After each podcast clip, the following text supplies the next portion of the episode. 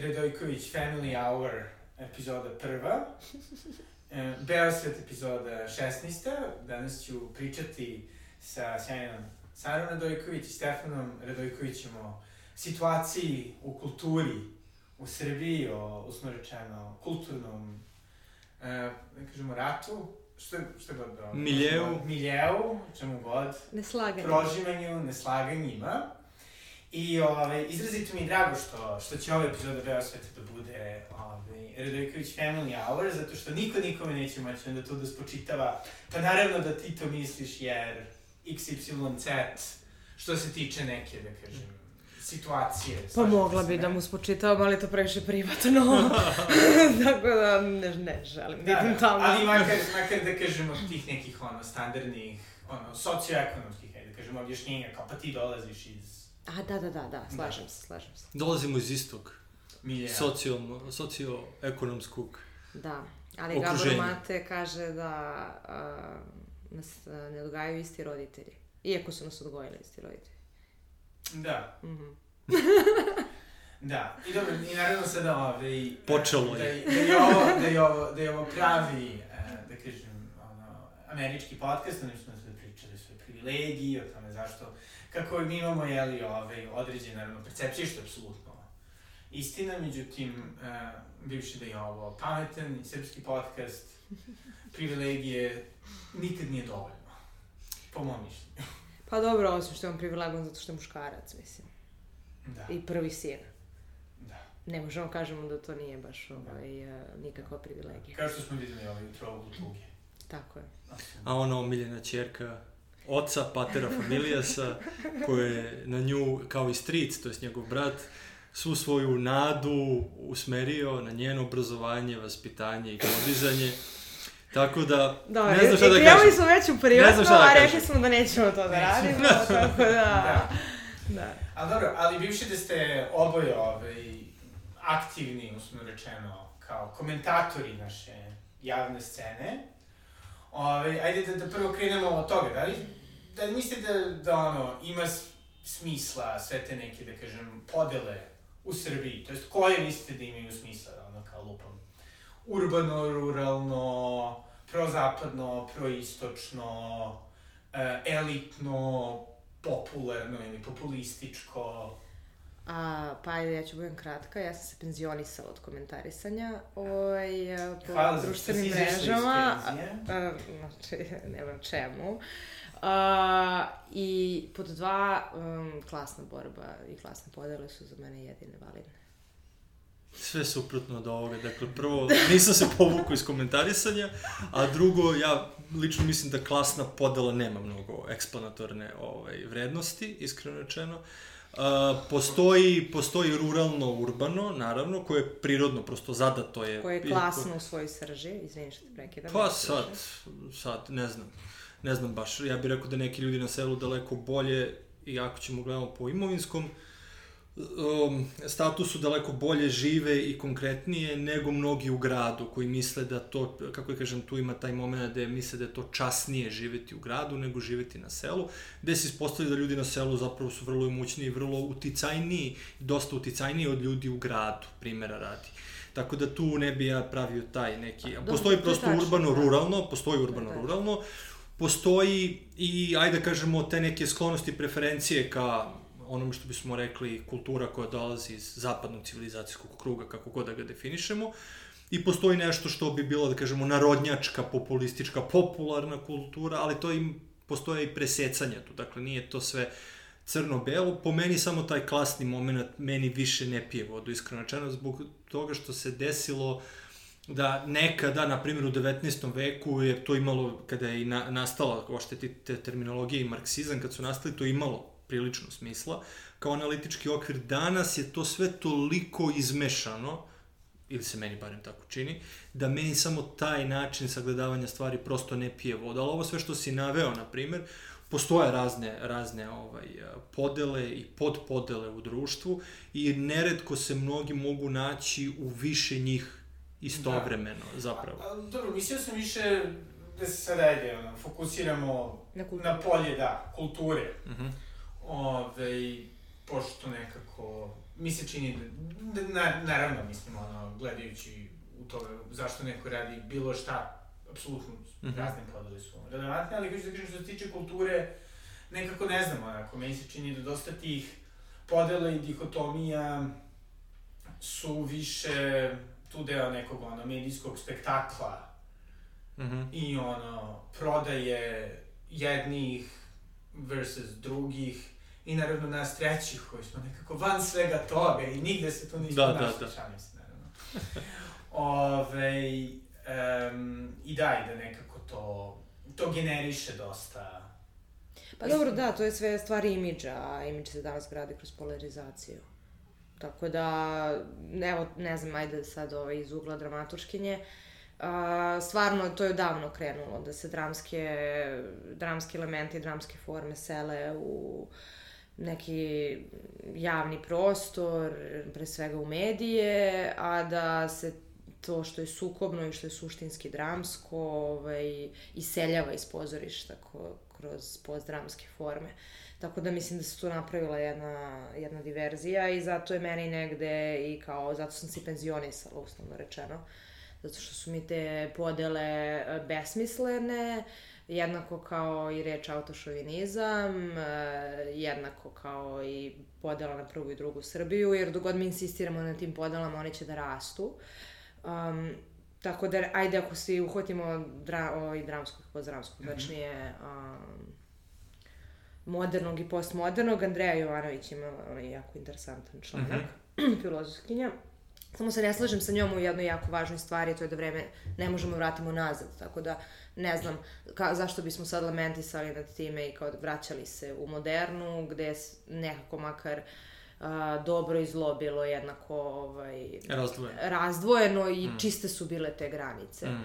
A, Tako da, ajde kažem, ako živimo u toj nekoj postmoderni, postistini, šta god, ovaj, mislim da zapravo um, može da se raščisti taj prostor i tekako, ali moramo da se držimo nekih vrednostnih stvari, da ne insistiramo toliko na tim razlikama, na tim sukobnostima, na sukobu kao takvom što je teško u vremenu kada je sve za jedan klik više tu. No. Meni kad spominješ ti sve, na primjer, ove, da kažemo, kulturne milije ili podkulturne milije koji ovaj, postoje, setio sam se prošle godine ovaj, ovog takmičenja za Euroviziju, ovo naše takmičenje što je bilo i, na primjer, imao si tu izvođača Sara Jo koja je s jedne strane koristila nastup uh, Uraganki i uh, h, h, uh, ha, da, da, koje su pobedile godinu dana pre toga. Dakle, i ona je to znači spoj modernog i tradicionalnog, s tim što zapravo čitava ekipa koja je stajala iza toga i koja je radila tekst, muziku i tako dalje, se percepira kao predstavnici onoga što bismo rekli neka urbana ekipa, to je bila uh, Bojana Vunturišević, Cobija, mislim, iz Basivitija i tako dalje. I onda ona tu pokušala da spoji nešto što je, da kažemo, vizuelni identitet nečega što bi bilo, kako kažemo, popularno, pa i populistički, interesantno glasačima. Znači, i muzika imala i taj moment melosa malo provučen kroz razne ove, efekte i tako dalje, ali ekipa koja je stajala i koja je radila sve to je bila izrazito kako kažemo, o, utemeljena u onome što bismo mi danas rekli da je to ta neka urbana ekipa ili urbani milje, kulturni milje i tako da. dalje. I isto to, na primjer, za Basivity može da se kaže, oni su uzeli, na primjer, matricu iz SAD-a, način poslovanja i tako dalje i tako dalje, ali onda su to preneli na ovo ovde tržište koje je sklono, na primjer, neku melosu, tekstovima koji su pre turbo folk nego što su bilo šta drugo, a po, model poslovanja apsolutno iz SAD-a prenese. Što je meni sve okej, okay, nema ništa protiv, ali to samo govori koliko zapravo su ti, ajde kažemo uslovno čeno, milije ili sektori ili kako god um, klubovi, ovaj, prosto prožimaju jedan drugi i onda pozajmljuju jedan od drugoga ono što smatraju da je interesantno, isplativo, profitabilno, naravno. Ali, absurdno je u 21. veku jer je interneta pričati o takvim vrstim, vrstama podela, znači to je to. Pa da, pa da, da. Mislim, globalizam je, živimo ga. Da. Stigao je. A koliko misliš da nekako je to ono, kao neko je iz, iz kulture najdirektnije, um, koliko misliš da je to zapravo da, ono, nov, postmoderni, kako god fenomen, a koliko zapravo je nekako kultura uvek bila vrlo neuhvatljiva i fluidna s jedne strane da su ljudi ono bili mislim, često su imali mecene, ove ili one vrste, opet sa druge strane, umetnici su, makar, ajde, mislim, ovo mislim na najkomplementarniji mogući način, nekako ono, vrlo često svoje ličnosti inokosne, Naravno, naravno. Ponekada naravno. vrlo sposobne da, da zarad sobstvenog rada, ono, prihvataju razne paktove, sve to, da, Da, bi da, da, neku da, da. viziju. Pa, mislim, a, u umetnosti se uvijek traži autentičnost. I uh, to je prosto vrlo jednostavno, to je kao odnos između forme i suštine. Mi danas imamo žanrove i imamo formule scenarističke i put heroja koje postoje jedno opšte mesto i tako dalje. Ali uh, ono što će priči da da autentičnost uh, i što će da je proda, uslovno rečeno, što će da je razlikuje, znači taj unique selling point uh, je autentičnost i to je pravilo koje važi od uvek. Uh, I iskustveno i uopšte poznavati materiju koju se piše. Tako da, s te strane, da, mislim, može da se kaže da su najbolji radovi ovaj, bili postmoderni od uvek, ako ćemo tako, recimo. Mislim, tu stvarno možemo krenemo, ne znam, još i od... Ne mogu da kažem baš postmoderni, ajde sad uh, preterujem, ali, uh, ali ta autentičnost i ta nova perspektiva i bolji ugao, na to je, mislim, još od Euripida on je tu pomerio granicu. Mislim, pomerali su granicu i pre njega, ono, ali ovaj, on je taj prvi koji je, recimo, pokušao da odbrani jednu Medeju. Što nije bilo baš standardno. Tako da, ovaj, da, tako da se slažem s tobom. Da.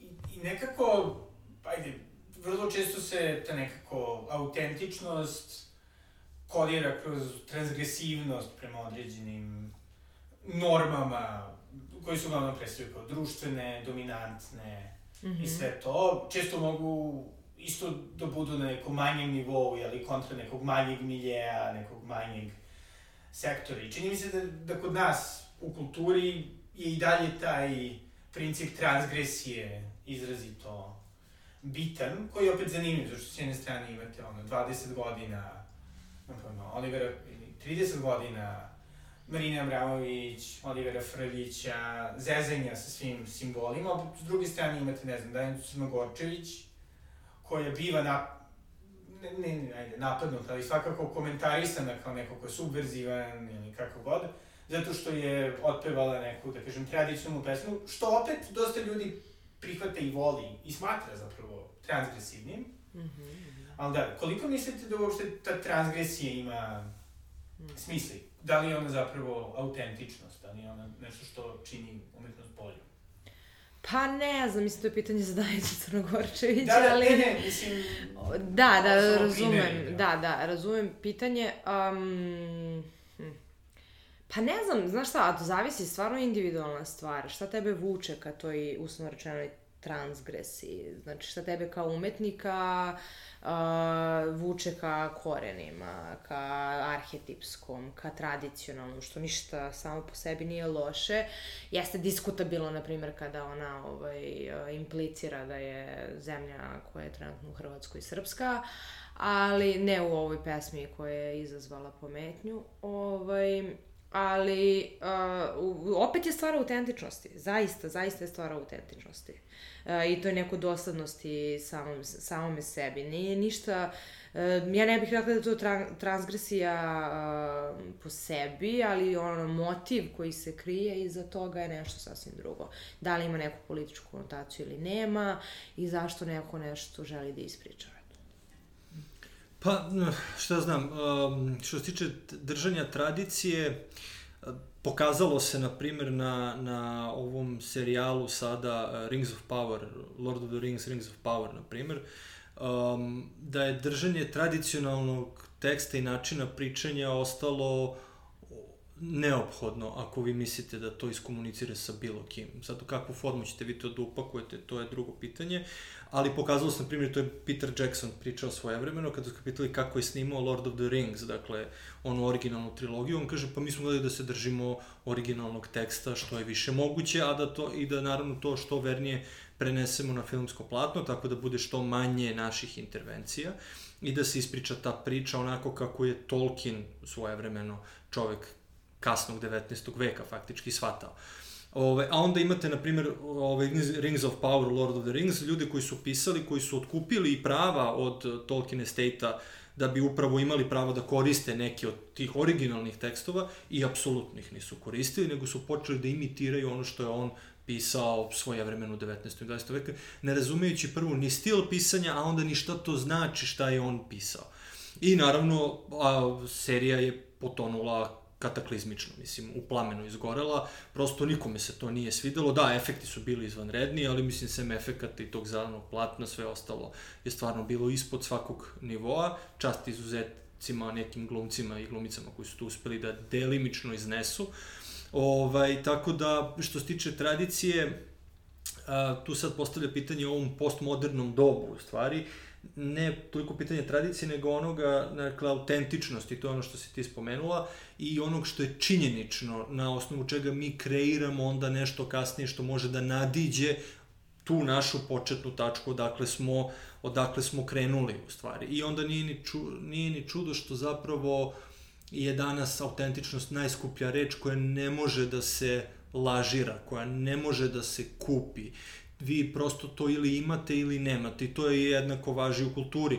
Ja konkretno gledam sad, na primjer, što tiče naše muzičke scene, pa pod scene, a to je metal, rock i hardcore scena, e, tu se dešava da imate neke bendove kod kojih se kaže to je true Dakle, ali vidite da zapravo nije to true, nego ti ljudi koji sviraju na određeni način, bolje ili lošije, nije bitno, ali ako su autentično to oni i vi njih tako percipirate, prosto taj bend i ta muzika će imati bolji odziv. I sad tu ima taj neki projekat, ja bih rekao, zove se Gavranovi, to je black metal, dakle black metal je jedna muzička forma došla zapravo iz Skandinavije, mislim, ali je interesantno da je potka svemu tome u stvari uh, paganska religija Slovena, dakle pre hrišćanstva, i koju oni sjajno uklapaju, Dakle, oni ne pokušavaju da imitiraju pagansku religiju Finaca, Šveđana, Norvežana, iako koriste način sviranja muzički pravac koji je došao odatle i to je jedan od tih, imaju dva spota, mislim, to su pjevanija prva, pjevanija druga, to naravno kako oni zamišljaju da su ti stari Sloveni to izgledali, radili, pričali, pisali, nije bitno, to su jedni od redkih domaćih metal bendova ovde ili projekata koji imaju desetine hiljada pregleda, možda čak i stotine hiljada, ali mislim desetine hiljada, što je redkost za tu scenu. Ali to je nešto što je iskomuniciralo, tu se čuju i gusle, pitanje sad da li su tu postojale gusle, nisu postojale, nije bitno, ali pojenta što su oni shvatili da ne, ti nisi black metalac iz Osla koji pali tamo njihove protestantske crkve, nego ti si black metalac iz, sa Balkana i vučeš ono što je ovde prisutno i što komunicira sa onima kojima ti pokušavaš to da iskomuniciraš. Tako da, kako da kažem, mogu oni da imitiraju, kako kažemo, njujorski hardcore, ali ne ide, mislim, niste iz Njujorka. Da. Da, ama da je im pomodarno je na neki način sad uh, i namerno bacati tradicionalne elemente. Jest. Mislim... Thread is the new... Da, da, da, da, jest, jest, jest, da. Što je u redu, mislim, što ne. Pa da, ali recimo zanimljiva priča sa autentičnošću je zato što nekako, ono, na nekom grupnom nivou, jeli, svaka država tvrdi, svaka mhm. kultura, mm -hmm. narod, tvrdi za sebe da ima određene elemente koji su uvek bili tu, koji su, jeli, nekako ono što ih čini različitim od svih drugih, kao što je, jeli, Hobsbawm, onom sjajnom malom mm -hmm. zborniku radova, ove, izmišljenju, tradicija, mm -hmm. ukazao naravno dosta toga. Nije, jeli, to već, ono, vrlo često pominjena stvar kako se tradicije uvek izmišljaju, nameću, menjaju, pretapaju, a to naravno niko to ne priznaje. Opet sa druge strane, isto ima autentičnost koja je sada u dobu individualizma, nešto smatra da je isključivo vezano za čoveka, što treba da ga izdvoji od neke grupe, i što meni recimo bilo dosta smiješno, jer ja sam ovde, dok sam bio na, u gimnaziji, ovaj, se dosta identifikovao, na primjer, sa indie muzikom, je bila onako mala scena, ljudi koji su meni bili cool, šta god. I nekako, ne znam, slušanje Belan Sebastian i tih stvari mi je bilo onako izrazito definišuće stvari, onda kad sam otišao u Englesku i kad sam vidio da to slušaju svi, sam doživao malu dozu toga nekog individualnog, ono, e, Kolektivnog. ega. Ipak nisi poseban. Ipak nisam poseban Da. i onda sam tamo krenuo da slušam ovaj, cecu i to. Da. Naravno, naravno, pa bože. Najviše volimo domovinu kad smo van nje, mislim. je. Naravno, i zato što nas to isto čini ovaj, različitim od Da, neke da, da, da, da, da. sredine. A, mislim, koliko, ono, vidite da sada i dalje postoji ta neka, ono, kulturna, mislim, u smislu korišćenja, na primjer, slušanje muzike kao nekog, Mm. Ovaj, Vododelnice, sig- vododelnice, Signaliziranja, da. Pa ne, mislim to više uopšte ne postoji. Mislim da ako postoji da je vrlo, meni to transgresija, bukvalno. I to je Bojana Vunturišević u Tampon Zoni lepo rekla, deli muziku na dobru i lošu. Mm. I apsurdno je, apsurdno je bilo koliko se bavi... Meni je apsurdno zapravo u 21. veku ne razumeti pojem žanra. I da svaki žanr ima svoju uslovnost, u okviru tih uslovnosti on može da ih uh, benduje, da ih uh, redefiniše, uh, ali u svakom slučaju nekako nas su makar na fakultetu učili da se delo promišlja u odnosu na to šta je pretpostavljena autorova zamisa, odnosno autorkina zamisao. I u odnosu na to da li su oni u tome uspeli ili ne. Tako da uh, nama je profesor uh, tada ovaj, obavezno davao da gledamo Showgirls uh, i uh, kolega jedan dok nije filmu dao ocenu 9, uh, bukvalno nije mogao prođe dalje. Stvarno? Da, zato što je morao da ga nauči da to što je to a, film o striptizetama, što je kempi, a, ne znači da nije vrhunsko umetničko delo. S dramaturške strane. Znači, ja to sad učim a, polaznike moje škole, ove dramaturgije za početnike, gledamo bukvalno a, red Rokija, red a, indi nekog filma, e, zato što e, dečko jedan piše horor, onda gledamo horor, to je prva stvar koju ih pitam kad mi dođu sa idejom, znači mediji, film ili pozorište, kratki ili dugi metar, žanr, mislim, ili je na, kao, ok, idemo na autorski izraz, može, ali ovaj, uh, treba nazvati stvari pravim imenom. Da. I ima moment sad, pošto živimo postmoderno vreme, to je dakle šta nama prija i ne prija, ono lično osjećanje, šta, šta, šta u čemu mi uživamo ili ne uživamo. I sad uh, imam jednog prijatelja ovaj, koji je, na primjer, u svojim mlađim danima, on je bio naravno metalac i isključivo slušao brutalni tehnički death metal, na primjer. Međutim, u kasnim godinama čovjek je zavolao hip-hop.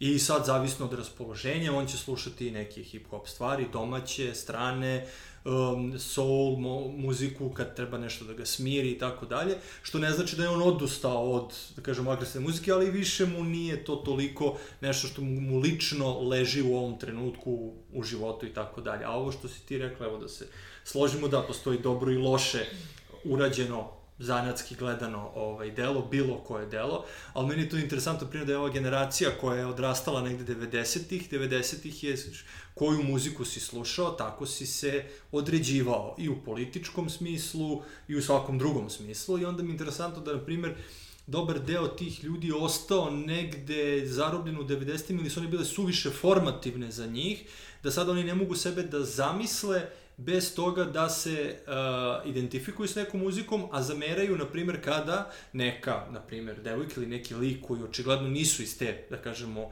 subkulturne priče, nose, na primjer, majice Ramonsa, primjer, Da, i tako da. dalje. I to je meni, mislim, do meni ide uh, i dublje. Mislim da je bukvalno je, taj problem koji si ti sad opisao je nešto što se nam preslikava na opoziciju i um, aktualnu vlast. Da. Znači, ljudi uopšte ne mogu da razmišljaju van kutije.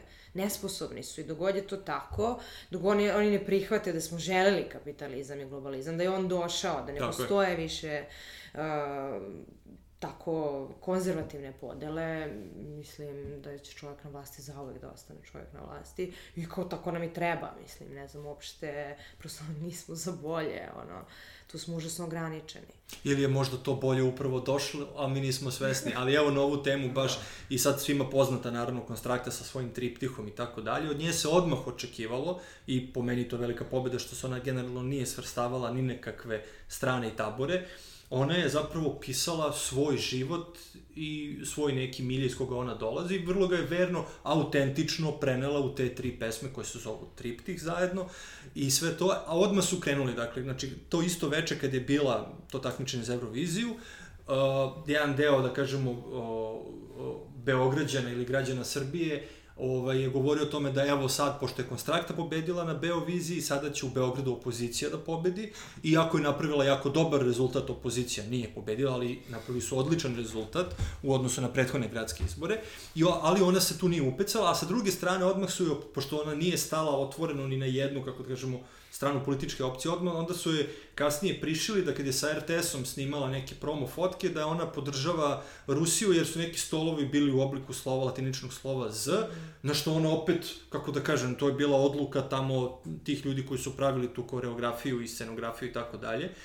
A ona je zapravo ostala, ona samo šta je uradila, vrlo autentično ispričala svoje životno iskustvo tokom perioda 90-ih, 2000-ih i kako god i njen odnos prema svemu tome koji je bio prilično kako kažemo, neutralan, prosto činjenično bio je takav i zato se i dopao mnogima, zato su mnogi glasali za nju, ali se ona nije određivala, ali jeste bila autentična, interesantna. I ona je, da kažemo, da. pogodila tu zlatnu neku sredinu u kojoj, da kažemo, ja mislim većina ljudi u Srbiji, ali i u svetu uglavnom teži. Čini, meni se čini da ovi polovi ekstremni, koji god da su, da su oni generalno uvek ta neka glasna manjina meni to je moj neki utisak, ali prosto da je ovde došlo od toga da su ljudi spontano reagovali, da ona imala stvarno odličan i nastup i pesmu, s tim što treba imati na umu da ona uopšte nije htela ovu pesmu oko pranja ruka mm -hmm. da, da kandiduju uopšte za, za Beoviziju, na primer, nego je to bila mnogo bolja pesma Nobel, na primer, ali je bila duža pesma prosto, pa je onda ova išla pošto je 3 minuta. Aha. Dakle, igra, to je bilo apsolutno, znači, kontingentno, slučajnost, ona prosto morala da izabere pesmu od 3 minuta i to je bila ta pesma, ali kažem, odmah su krenuli da je svojataju, evo odmah svetionik e, napretka, civilizacije i ne znam čega, sad će Beograda postane New York. Pa to je Jokić Naravno nije rekao, se desilo, mislim. Ko? Najbolje, Jokić. Pa ne vole nas a, zato što smo dobri sportisti, nego zato što pobeđujemo. Tako. Ne vole niko sport u Srbiji, da. vole pobednike. Pa dobro, ali mislim, zar nije pojenta bavljenja sportom pobeda? Ne. Ne. Ne. Gospode Bože. ne, tradicionalno izbija polako, ali sigurno. pa ne, ne, za, mislim, kako kažem, ne znam, ja nisam sa prava osoba pričam o tome, ali šta bi Novak Đokić rekao? Rekao bi da nije. nije, pa nije, nije, pa sport je jedna, jedna vrsta umetnosti, ako mene pitaš, mislim, to je bukvalno što najlepše. Ajde, makar košarka. Ali, ovaj, um, Da, lepota igre, zar ne? To, to, je, to je najvažnije. I pobediti da, samog da. sebe. Evo, slušao sam tvoj podcast sa Novakom Đukićem. Hvala puno. Da, da, evo da... da, da, i ovaj, da spontano spomenemo i to. Ove, ali ne, stvarno jeste tu pobediti samog sebe, naročito kada si u onim godinama kada više ne možeš da radiš ono što si radio sa 25 godina, a i dalje nastavljaš da treniraš i da radiš tako i tako je, dalje. Da. Jer prosto autentično ti voliš da se baviš tim i tim sportom ili tom i tom muzikom. Evo, juče primjera radi, bio sam na probi jednog hardcore benda, koji za sebe misli da su oni predstavnici njujorške hardcore scene u Beogradu. Oni dobro sviraju, meni su bez, ove, beskreno dragi i simpatični, ali prosto oni nisu predstavnici njujorške hardcore scene, oni su predstavnici srpske ili beogradske hardcore scene, voleli oni to ili ne, ali pojenta što su vrlo autentični u tom svom izrazu i ljubavi prema tom zvuku, tako da prosto to što oni sad pevaju na engleskom i što to niko ne razume, apsolutno to nikoga ne interesuje, jer vi ako odete i ako volite hardcore, koji ima taj njujorški zvuk, vi ćete dobiti to što, što znači to. Naravno, oni nisu kao Gavranovi, nemaju pjevanija prva i druga pa da imaju stotine hiljada pregleda, ali prosto autentični su tome što radite, što rade i ljudi prosto vole da odu i da i žive hardcore, friendship, unity, respect i sve ostalo što ide da. uz tu priču, mislim.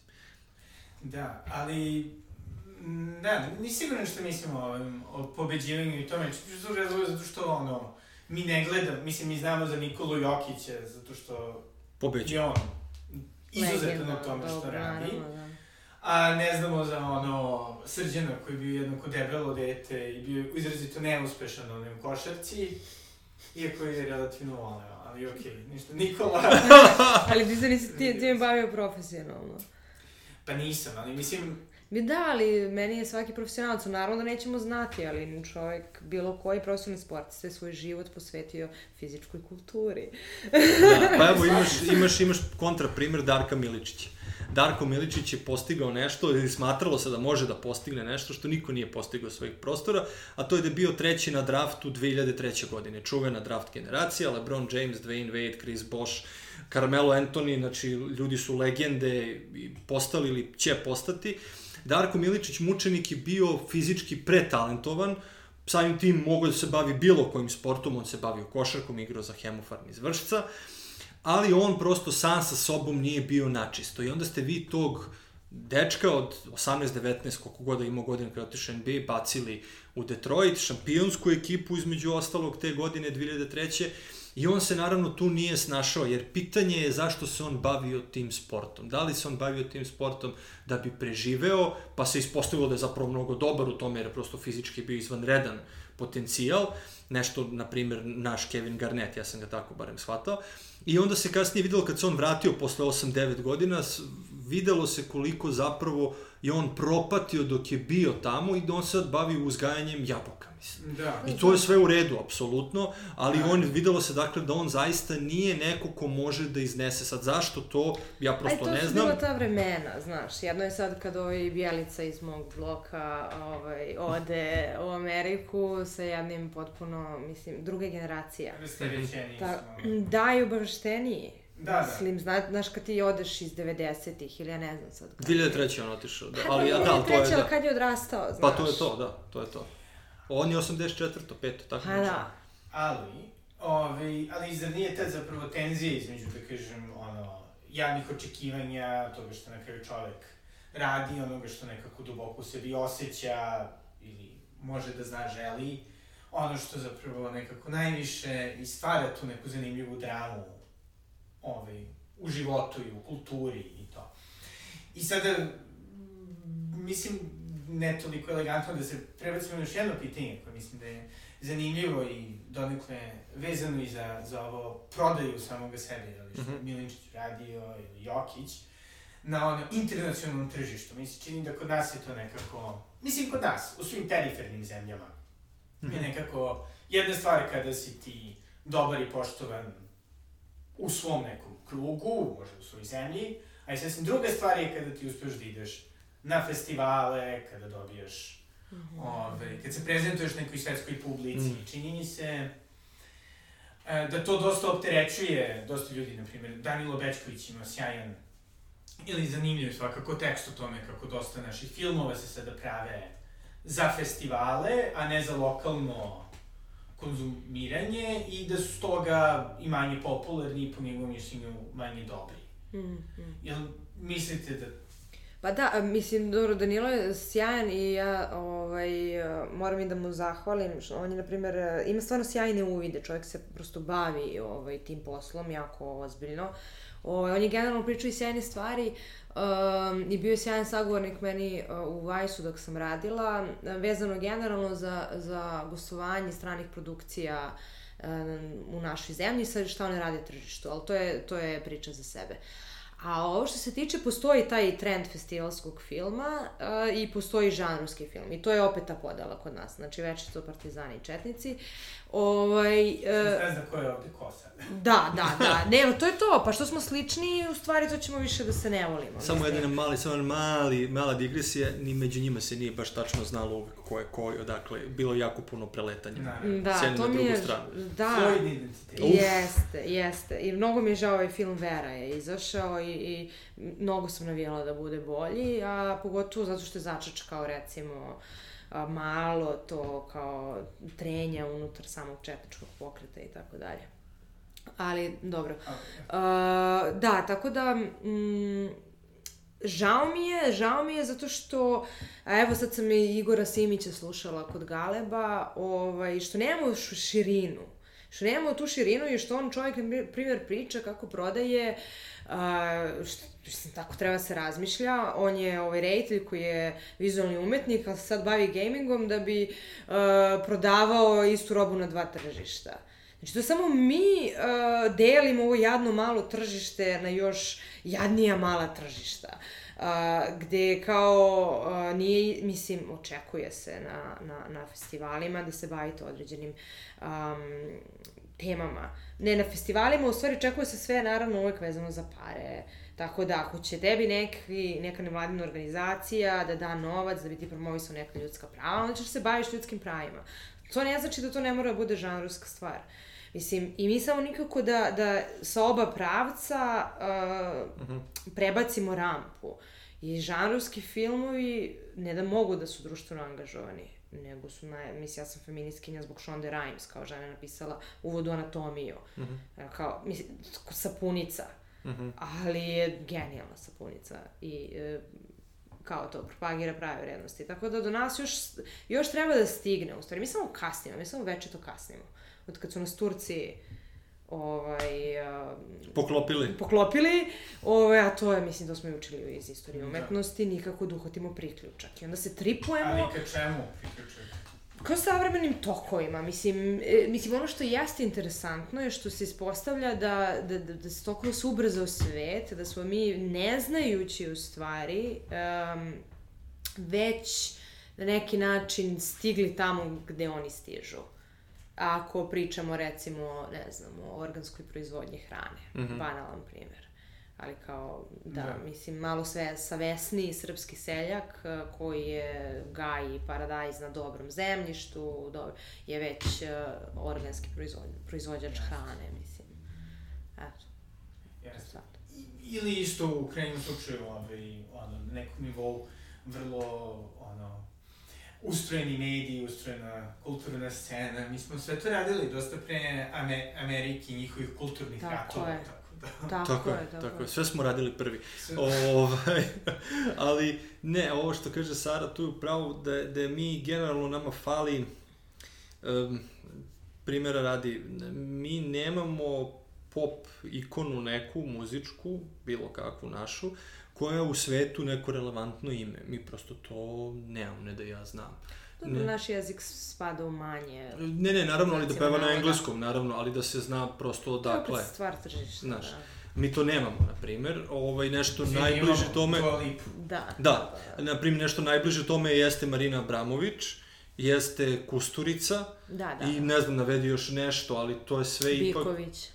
Biković, Biković dobro, da. Ali ako kažem, avo, ako mi zvanično, kako kažemo, težimo tom zapadnom, u svakom slučaju on je sve prisutan, taj zapadni civilizacijski kultu, pa, kulturološki krug. Pa, ali i uh, baš evo kinematografiji, uh, ruski kulturni uh, kolonijalizam je bacio šapicu. Uh, oni su povukli naše sjajne glumce, radili su onaj film baš što si da, da, o njemu. Da, da, Balkanska međe veš. Da, tako je. Da. Um, postoji da. fina kulturna razmena između nas, krenuli su da rade na tome. Ovaj, sa onim filmom Led i tako, mislim, nisu oni naivni. Marića ubacili kao... Ove, da, do Vlatova, mislim... Kao uspavanog agenta. Ali ne samo njega, evo, i Milena, ovaj, Radulović. O, ne, oni su ljudi, mislim, ne bave se politikom na taj način, ono. Ne, ja bi radila u Rusiji da sam na njihovom mestu, zato što je to neverovatno iskustvo, zato što oni imaju ozbiljnu kinematografiju mm -hmm. i ozbiljno nasledđe kulturno. Mm. Da, a isto tako zato što u Rusiji, dobro, ovaj, ono, ljudi često kažu, ali u Rusiji možda glumiš, ne znam, do Vlatova, možda budeš sve i svašta. Tako je. Dok u Americi... A da. Eastern European Gangster number 3, my friends. da, da, da, da, da, da. Ne znam, svi su nahvalili Đurička u Stranger Thing, Things. Ne znam, nisam gledao, ali verujem da je bio dobar. Ali jeste, naši glumci su, evo gledao sam skoro ponovo Public Enemy number 1, Branka Katić glumi epizodnu ulogu, mm. do duše, ali bitnu ulogu u, zajedno sa Johnny Deppom i još sijasat mm. dobri glumaca. Ona tu igra madam poreklom iz Rumunije koja vodi neki ono bordel i tako dalje i ona zahvaljujući njoj uspevaju da uhvate Da, ovog, da, da. bože, Dillingera, Da. konačno, ovaj, tako da, dobro, da, njoj, njoj je to bilo suđeno da mora da igra takve uloge, ali eto, bila je, ali što hoću da kažem, dakle, nama treba zapravo više pokušaja naših umetnika da se oprobaju, da se ogledaju, i kad kažem umetnika, mislim na sve, apsolutno, to mislim i za naučnu zajednicu, iskreno rečeno, ovaj, da imamo veći broj ljudi koji se ogleda u inostranstvu sa kolegama koji su verovatno bolji, ispred i tako dalje i tako dalje, da bi čisto podigli svoj nivo igre, mislim. Pa da, Ako ništa, da, da. iz sebičnih interesa, prosto ti ćeš biti bolji umetnik, slash naučnik, slash šta god hoćeš, prosto ako se ogledaš sa ljudima koji sada rade neke ono za nas možda nove metode primenjuju ili nove forme. Ovaj, tako je, mislim, tako prosto to je sasvim normalno. A to što kasnimo, ja ne bi, kako kaže, mene to nešto ne pogađa previše, jer uvek si imao neki epicentar i periferiju. I sad kolika si ti periferija, toliko će da nešto kasni do tebe i kasnije da stiže. Mi nismo totalno periferija, mi smo neka poluperiferija usled geografije, prosto tako je kako je, tako da se ja ne bi tu mnogo kako kažemo, ovaj, ovaj, posipao pepelom, jer to ima primjeri, Pa što se tiče metal scene, na primjer, da, kod nas metal scena isto kasnila za metal scenom. U... To je meni činjenica s tim što se slažem, na primjer, to i Marina Blagović govorila, e, ona je govorila da smo i ta poluperiferija. Tako je, polu- I onda je slažem se, dolazilo do, do, do tih stvarno a, kontradiktornih situacija, da su mi neka presiromašna zemlja, Mhm. a, pod sankcijama i tako dalje. Ona žena ide na inostrane ovaj, sociološkinja ovaj, koja nije više ovaj, živa, genijalna. Um, i, i vodi rasprave i sa najvećim ono, umovima sveta. Tako, i a ovde je do- nepoznato totalno. Pa ovde nema poštovanje. Da, da. A donosi nam, donosila nam je, znači mi imamo ljude koji nam i tekako donose taj kao korak Da. sa svetom. Samo pitanje je da li ih cenimo. Ali isto tako, čini mi se da, da su i ti raniji, da kažem, ono, kulturni firewallovi, Mm. čak i koji su jeli bili tu uglavnom zbog tehnologije, ili nisu toliko pričali druge jezike, ne pričamo o internetu uopšte. Ove, su nekako ipak ljudi više fokusirali da možda uđu u sebe, više nekako propitaju i nešto možda svoje mesto, dok sada kultura i uopšte, evo, ovaj, podcast je na Patreon, nešto, no? Još da kažem, sve nekako postoji to veće tržište i neko se ljudi više tržišno Pa jeste, određuju da. i onda za to postoji ta ideja, ok, ono, Amerika, najveće tržište, najviše Da. kinte, mi za njima kasnimo, ali samo Mhm. ukoliko to definišemo kao da mi nismo napravili proizvode koji se tamo najbolje prodaju. Mislim, hoću da kažem, meni je to jedini, jedina, ono, razumljiva definicija toga kaška. E, mi smo, evo, pazi ovo sad, znači mi smo 2000-ih, e, što se tiče bare metal scena, ajde, koju sam prilično pratio kod nas, ona je uvek kasnila za trendovima u svetu za jedno dve, tri godine. Dakle, nešto što je tamo već bilo odavno ono, na svom vrhuncu, kod nas je tek stizalo i, i postajalo popularno, ako je to popularno 99. 2000. kod nas je to popularno 2003. 4. 5. sigurno. Dakle, i onda su oni pokušavali da to, sad kako ti to da pl- plasiraš nazad, na primjer u Englesku ili SAD, koji su epicentri, da kažemo, ovaj, Da. e, tog žanra, kad je to već nešto što je zapravo prošlo i dolazi nešto novo. Jedini koji je zapravo bio blizu da uradi nešto tako je bio Iceburn zahvaljujući Maxu Cavaleri i njegovom Soulfly bendu i, i njih je sprečila zapravo svetska ekonomska kriza 2007-2008. Oni su bili potpisali, trebali na turneju, a oni su imali taj neke taj neki reggae, hardcore pristup koji je bio ovde izuzetno slušan 2000-ih, što zbog 90-ih, što zbog tog nekog malo originalnijeg pristupa nekim temama i sa nekim žanrovima koji su ovde bili, da kažemo, su se odomaćili Da. vremenom, a to je re, reggae muzika i HC. Da. A I tu dobro, smo mi bili blizu, a svi ovi ostali bendovi, na primjer kod nas, svi oni kasne isto ovo što ti kažeš, zato što su poluperiferija. Dobijemo, dobijemo mi tu informaciju, ali dok je obradimo, dok vidimo o čemu se to radi, kad počnemo mi da stvaramo nešto naše, taj talas je davno, davno prošao i to je naš. Da. Ja, Nije mislim, slučajno. na, na fakultetu dramskih umetnosti uh, imamo laboratoriju koju uh, vodi profesor Mirko Stojković i um, on je, na primjer, čovek kome sam ja jako zahvalna zato što nas je prvo, što bi rekao Milin pokojni, uhlebio, jer smo imali advertising i dramaturgiju video igara i tako Mhm, dalje. I mogu da kažem da je on profesor za koga znam, recimo, i da fakulteti to trebaju da rade. On sa jednim jako ograničenim uh, um, sredstvima, vodi laboratoriju koja se bavi uh, imerzivnim medijima koje mene zanimaju. Ali u Švedskoj, na primer, uh, ja sam išla, ovaj, uh, bila sam pozvana na fakultet zato što sam pisala scenariju za 360 film, za VR film. Um, od strane fakulteta je, je moja drugarica koja je tamo studirala uh, filozofiju i savremene medije i imala pristup, ja sam, ja, bukvalno mi nije bilo dobro kad sam bila na tom fakultetu. Znači, to, to, je, to su prosto neke, i to je ono što, kad ja kažem privilegija i klasa i tako dalje. Um, mi nikada nismo, e, kažem, intelektualno iza, daleko od toga, mislim da bi bilo stvarno jako pogrešno reći na mnogo nivoa. E, I jesmo, a to je opet Igor Simić pričao, ovaj, mi imamo čak dodatnu vrednost. Naše iskustva nama daju dodatnu vrednost, zato što imamo iskustvo inflacije, zato što imamo e, tu drugu perspektivu koja je uvek značajna. Uh, i, i onda imamo i tu širinu, znači znamo lice i naličje, znamo kako, kako to izgleda. Uh, tako da nije, nije problem, kad ja kažem da mi kaskamo, ne mislim ja ovaj, to pežorativno nego mislim faktički po pitanju sredstava i privilegija da oni već imaju master, zato što oni već prave e, profesionalce za jedno tržište koje se tek razvija. Mm -hmm. Mislim, nije, nije, mislim, razvilo se, ali nije još definisano do kraja. To, to sad, digitalno, metaversi, NFT-evi i tako dalje, da ne idem sad u to. Tako da, ovaj, um, I, I kod nas, ne možemo kažemo da, da, da kasnimo, mi imamo Nordeus koji je prodan, ja mislim. Jasno, da. Ali uh, imamo ceo Novi Sad kao našu malu ovaj, silicijonsku dolinu i, I tako Niš dalje. postaje, koliko sam čuo. I bivša, Niš. bivša srpska tina sada srpska silika. Tako je, tako Tako je. je. A čuo sam i da Niš isto nešto. Mislim, ali zašto? Zato što je internet demokratična stvar. I zato što su neki ljudi mogli da dođu do tulova, zato što je, uh, zato što je, to su sve bili open source-evi, zato što su ljudi uh, i taj milje programerski uh, i tržište samo je još uvijek na nivou del, deljenja znanja. Znači, uh, sve je otvoreno jer je još uvijek to jedan eksperiment gde još uvijek trka za parama nije krenula u toj meri.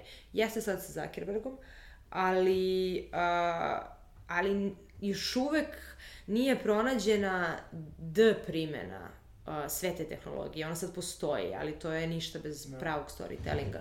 I ono što mislim isto možda dobro u Srbiji za kreativce, ironično, znaš, zbog što našem siromaštvu, relativno smo zapad, naravno, ne na globalnom nivou, je to što ovde možeš da budeš kreativan bez, doduše, ok, to smo malo promenilo, ali hoću da kažem, bez ono nekih zaista sjajnih, dobro plaćenih drugih opcija, često bez plaćanja ogromne rente, da se to nešto Mm. promenila, ono, normalizovano živeti sa porodicom Mhm. dosta dugo, tako da onda je moguće eksperimentisati više i nekako gurati neke svoje stvari. Jeste, pa što ste više ograničeni, više morate da razmišljate kako da zapravo prenebregnete te sve stvari. Da. I evo, pomenuli smo ovaj, Gavranove, pomenuli smo Konstraktu, razne divne ljude sa, sa FDU-a.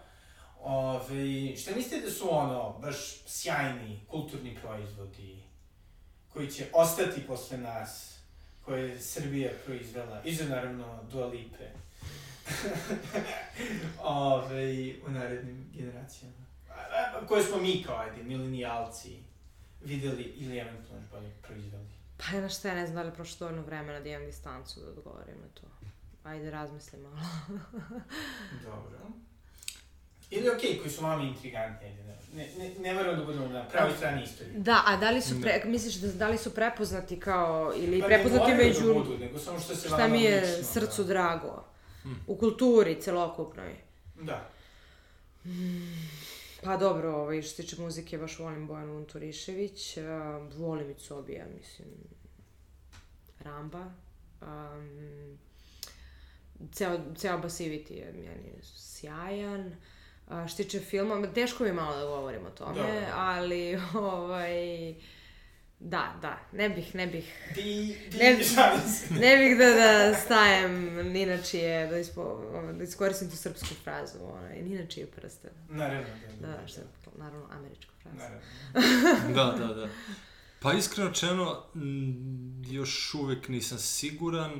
A, naša muzička scena će verovatno poroditi nešto, što može biti da je konstrakter, on ima dovoljno a, i autentična, a ima i vremena da se neograničeno bavi svojom umetnošću, što mislim da je jako bitno u Ali njenom ona je i uspehu. dalje u, u elitističkom jednom krugu. Ja više tu polažem nade u mlade nade u Gypsija i mladu bebu. Ovaj, oni su ti sad Pa, uh, moguće, biseri R&B moguće. scene. Nego ja samo kažem, prosto ona je autentična i ima vremena da se bavi sobom i svojom umetnošću. U smislu da ne mora nužno da juri rokove, uh, znaš, da hvata talas neki i tako dalje, nego je ona sad na nekom nivou gde može prosto da izbaci novi, na primjer, triptih za naredni, kao Tool, na primjer, što na svaki 10 Da. godina izbaci jedan album i ne interesuje ih, prosto Ili oni su Tool.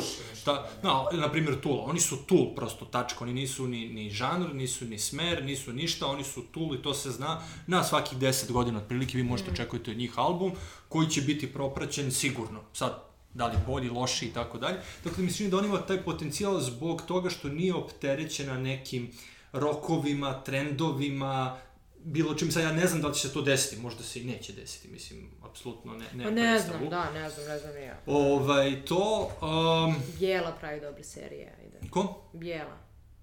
Nisu savršene, ali mogu Da. da. kažem da je kvalitet negde, da, nas, da se tu, što se serija tiče, ovaj, tržište nas tera da se uključimo u trku. To je daleko još od, od, od onoga gde bi ja volala da mi budemo, ali neki skok je napravljen. Da. Jer meni su se baš svideli, ali, um, Senke nad Lukanom. ne. Ne, Dobro. mi se svidelo. Ali, On te ovaj, video, Bog te video. Ne, ali recimo ajde od, od, ovaj, od, od filmova mi je bio sjajan e, onaj film Moj jutarnji smeh, to je To je to fenomenalno, je da. sjajan film.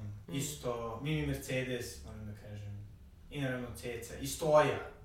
Stoja i Đani, eto oni su se probili na svetskom tržištu. Ceca, Ceca da, naš, ali kako se kažem, Stoja Mhm. i Đani su kao u dijaspori ili je dijaspori. referenca Pa ne, postoje, je, postoje isto ovaj, i Azisa, inspirisala tako da neki Aha, regionalni. aha, aha, aha.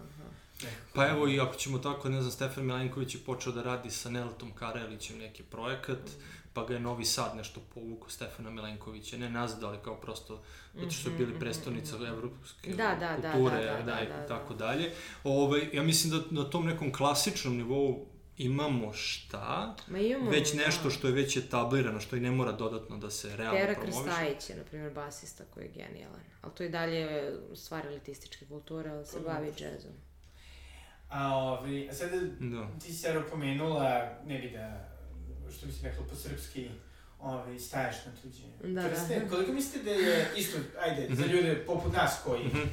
ok, donekle, i znaju ljude iz kulturne scene, a opet vole da kao komentarišu kulturu, koliko se vi osjećate da se samo cenzurišete nekako pričajući o, o dometima, ipak, pošto smo relativno mala scena i uglavnom kao znaš ljude.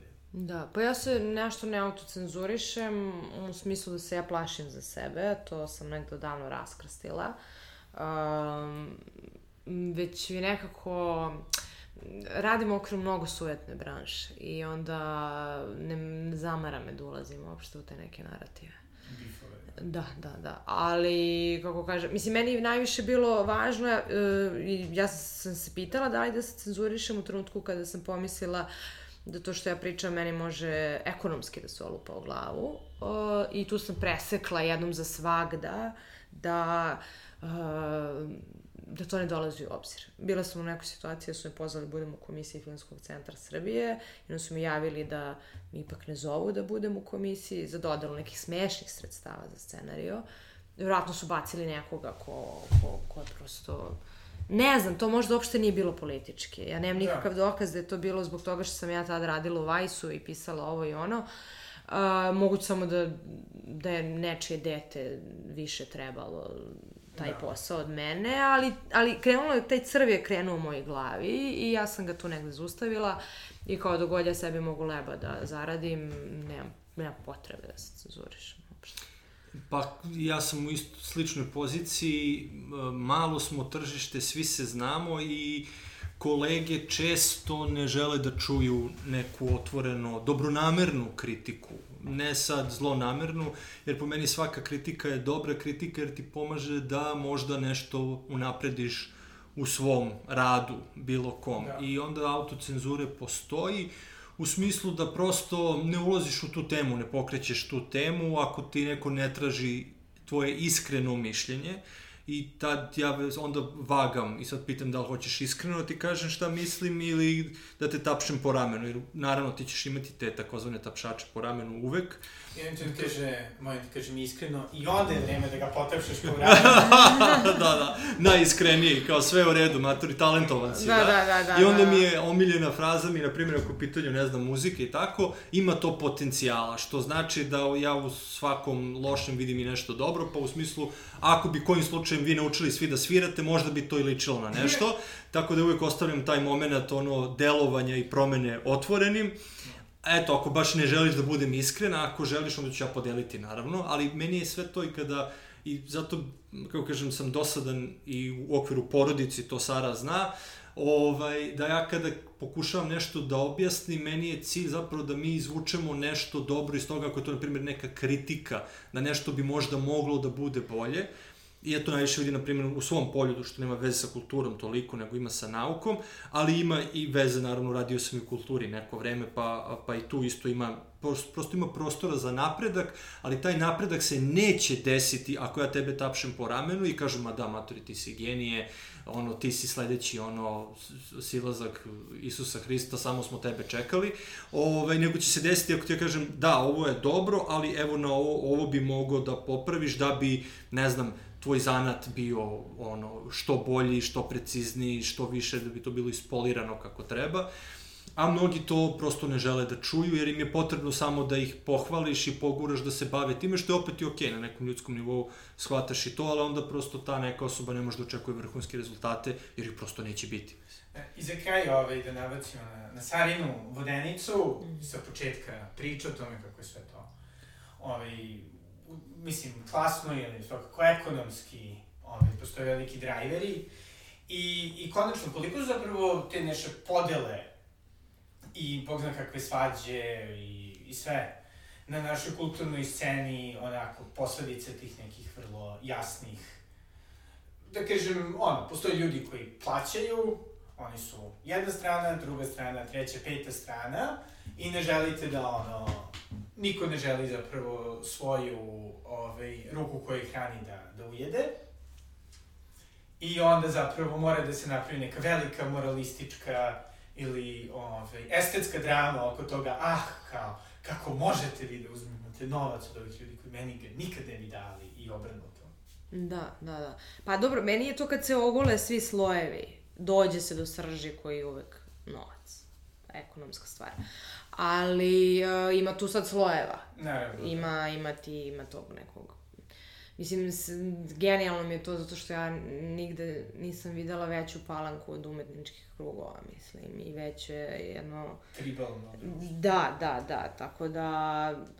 Uh, ima tu svega i svačega i svi, biće se, mislim, da, bi, svi će se praviti da nije, da nije vezano za pare i tu je ono što ja mislim da je generacijska razlika, a to je što sam ja dete ono, raspale Jugoslavije i posledica i jako mi je bilo važno da shvatim da, uh, da nekoga, da opstanak zavisi na ovom tržištu, zavisi od toga um, što ću brže da prihvatim Dobro, ja sam sad tu kao kroz odrastanje imala faze i faze, ali prvo ti moraš da ono ideš u antitezu, da uništiš uh, roditelje, da uništiš sve te, svo to nasledstvo, tih nekih vrednosti, ne, ja ću raditi za kikiriki i tako dalje.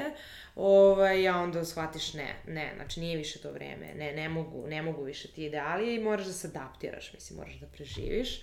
I onda uh, ideš, jel te, u kontru, a onda malo i tu smanjiš, pa ajde, nije baš sve sve ovaj, u novcu, ali ono što je važno i o čemu sam jako puno pisala je da se o novcu um, transparentno govori.